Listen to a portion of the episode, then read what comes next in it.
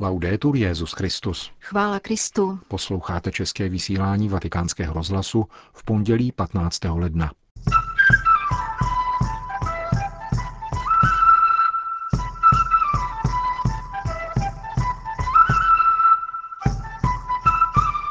Petrův nástupce na pastorační návštěvě v Chile a Peru.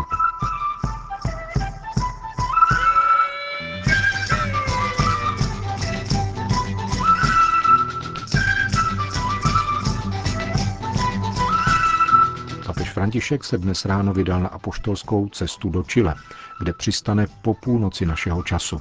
První body papežova programu a očekávání v Santiago de Chile vám přiblížíme v našem dnešním pořadu, který provázejí Jan Glázer a Jana Gruberová. Papež František dnes zahájil 22. mezinárodní apoštolskou cestu svého pontifikátu, která ji v příštím týdnu zavede na rodný latinskoamerický kontinent do Chile a Peru. Papežský speciál italských aerolinek Alitalia vzlétl z římského letiště Fiumicino krátce před devátou hodinou raní, aby se vydal na téměř 16-hodinový let, který zakončí až krátce po 8 hodině večer místního času na mezinárodním letišti v Santiago de Chile. Od hlavního města České republiky dělí Řím 12,5 tisíce kilometrů, přičemž hodinové ručičky se posouvají o 4 hodiny dozadu. V sobotu odpoledne se papež František ve shodě s nově zavedenou tradicí odebral do římské baziliky Santa Maria Maggiore, aby nadcházející cestu svěřil do rukou Pany Marie. Před její ikonou sálu z Populi Romány položil květy a usebral se v modlitbě. František nepřijíždí do Chile a Peru jako první papež. Obě země již v 80. letech navštívil Jan Pavel II. Peru dokonce dvakrát, v roce 1985 a 1988. Papež František prožil v Chile část jezuitského noviciátu a také do Peru vícekrát cestoval ještě před nástupem na Petru stolec.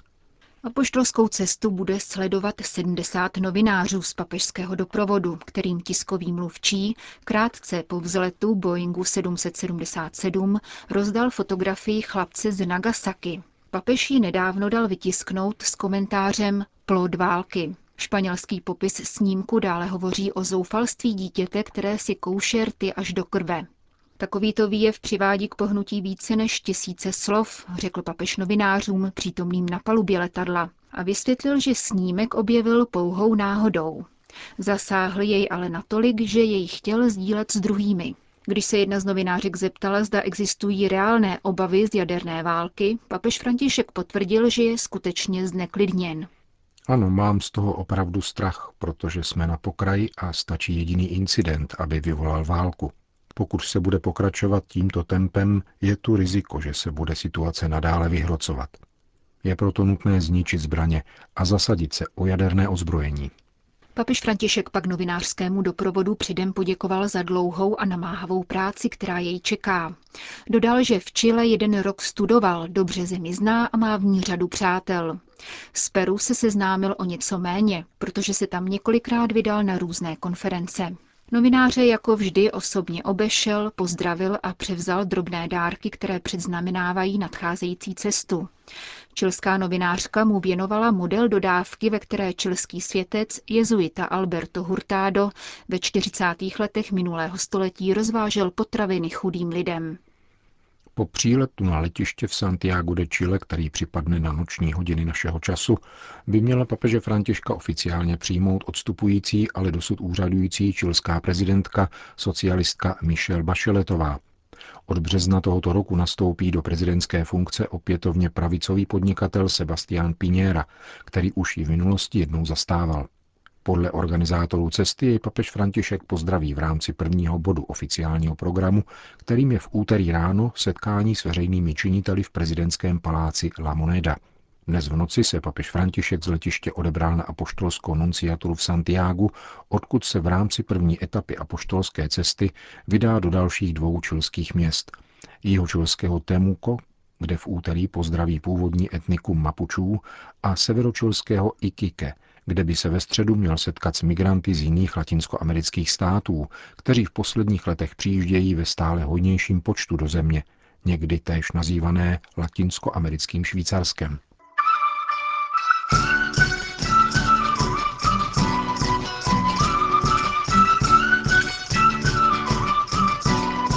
Apoštolská cesta do Chile a Peru sotva začala, ale její oficiální program už po dohodě s vatikánskou stranou doznal prvních změn. Jak informovala Čilská biskupská komise pro organizaci papežské cesty citovaná agenturou SIR, papež zahájí svůj pobyt na čilské půdě modlitbou u hrobu monsignora Enrika Alveara Urruti, zvaného biskup chudých.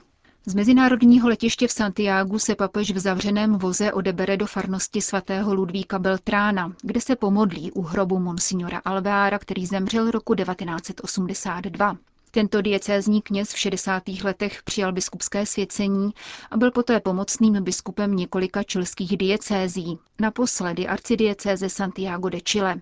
Účastnil se druhého vatikánského koncilu a během své biskupské služby neúnavně hájil lidská práva, systematicky porušovaná vojenským režimem, který v zemi nastoupil v roce 1973. Z jeho podnětu byla v polovině 70. let minulého století založena Vicaria de la Solidaridad, azylový dům pro oběti diktatury, kterým byla poskytována právní pomoc a lékařská péče.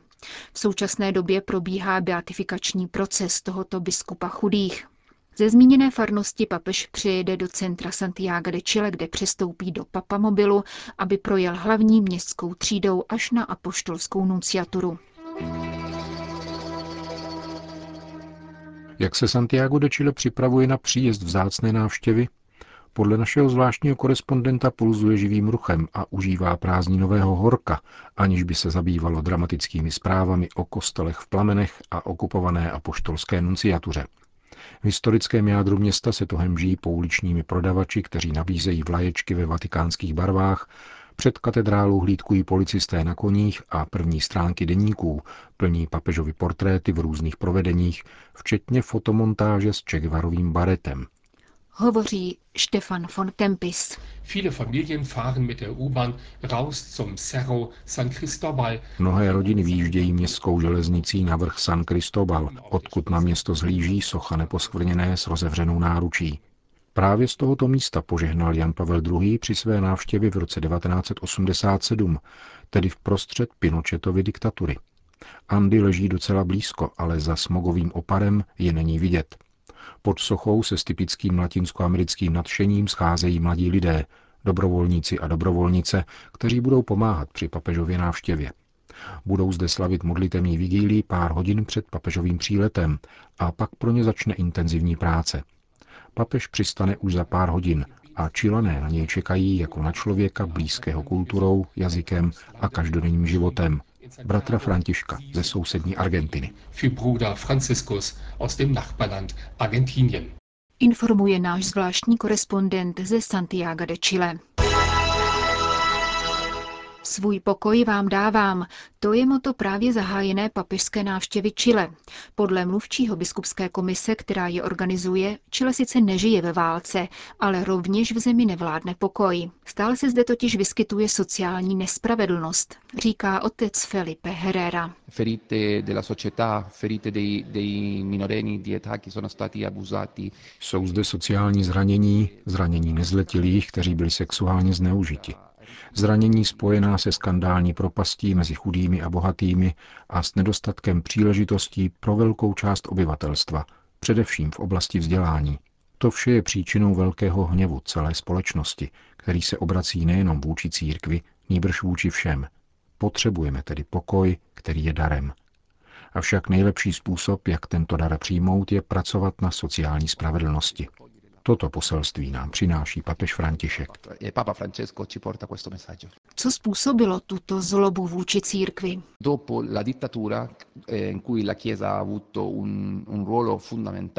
Po diktatuře, během které hrála církev zásadní a velmi pozitivní roli v obhajobě lidských práv, bylo zde hodně mučených a zavražděných kněží, se společnost s nástupem demokracie otevřela světu a považovala za pravou svobodu činit to, co člověk právě chce, bez ohledu na názory ostatních. Měla pocit, že církev překáží její radosti ze života. Ačkoliv mnoho kněží pokračovalo v sociální práci, veřejná vystoupení církve se soustředovala pouze na sexuální morálku a stavěla se proti světu. Mnohokrát to bylo oprávněné, třeba v odsouzení potratů, ale lidé se oddalovali kvůli tomuto slůvku proti. Díky rozvoji technologie, médií a sociálních sítí mají také lidé jiné alternativy, které jim ku příkladu nabízejí více vzdělání. Lidé si tedy volí jiné životní cesty, oddalují se, ale když vypukne zemětřesení, všichni se modlí a vzpomenou si na Boha. Vysvětluje místní organizátor papežské cesty a mluvčí Čilské biskupské komise.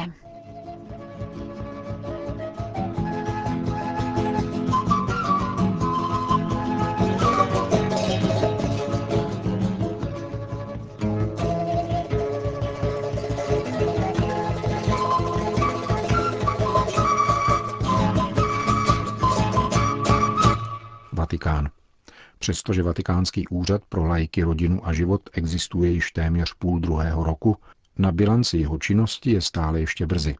Vypadá to u nás zatím jako na staveništi, říká jeho prefekt kardinál Kevin Farrell. Připomíná, že tento nový vatikánský úřad povstal spojením dvou papežských rad pro lajky a pro rodinu a do jeho kompetence byly začleněny také otázka života a tedy podpora a koordinace iniciativ za zodpovědné rodičovství a ochranu života od početí do přirozené smrti. Irský kardinál připomíná, že teprve v listopadu jmenoval papež František podsekretáře úřadu zodpovídající za sekce pro lajky a pro život. Sekce pro rodinu zatím zůstává neobsazená. Úřad pro lajky, rodinu a život se v této chvíli zabývá především přípravou dvou velkých akcí. Světového setkání rodin, které je plánováno na srpen v Dublinu, a Světový den mládeže příští rok v Panamě. Pokud jde o setkání rodin, úřadu záleží, aby přípravy začaly na lokální úrovni a byly proniknuty duchem Amoris Leticia. Tomu má sloužit série sedmi katechezí inspirovaných papežskou exhortací o rodině. Důležitou etapou přípravy na setkání s mládeží bude letošní biskupská synoda.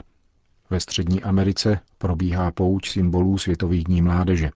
Byli už v Mexiku, na Kubě, v Dominikánské republice a na Haiti. V současné době doprovází mládež v Portoriku. Francie.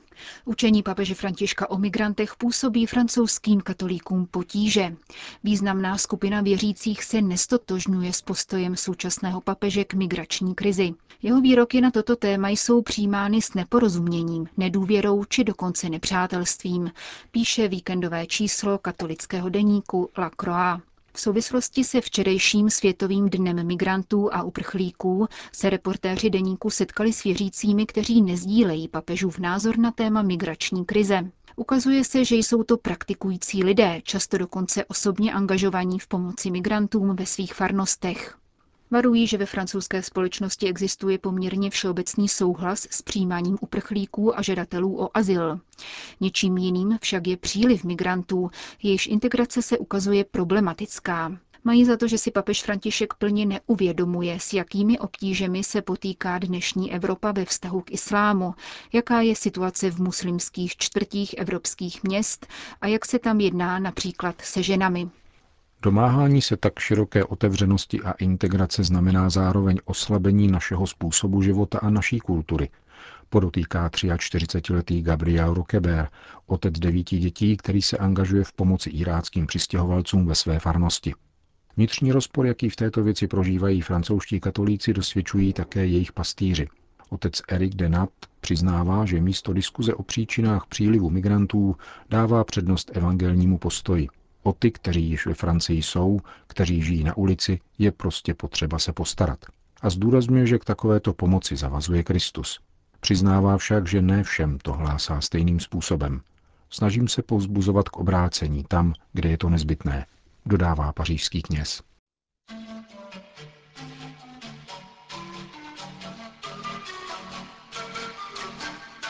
Končíme české vysílání vatikánského rozhlasu. Chvála Kristu. Laudetur Jezus Christus.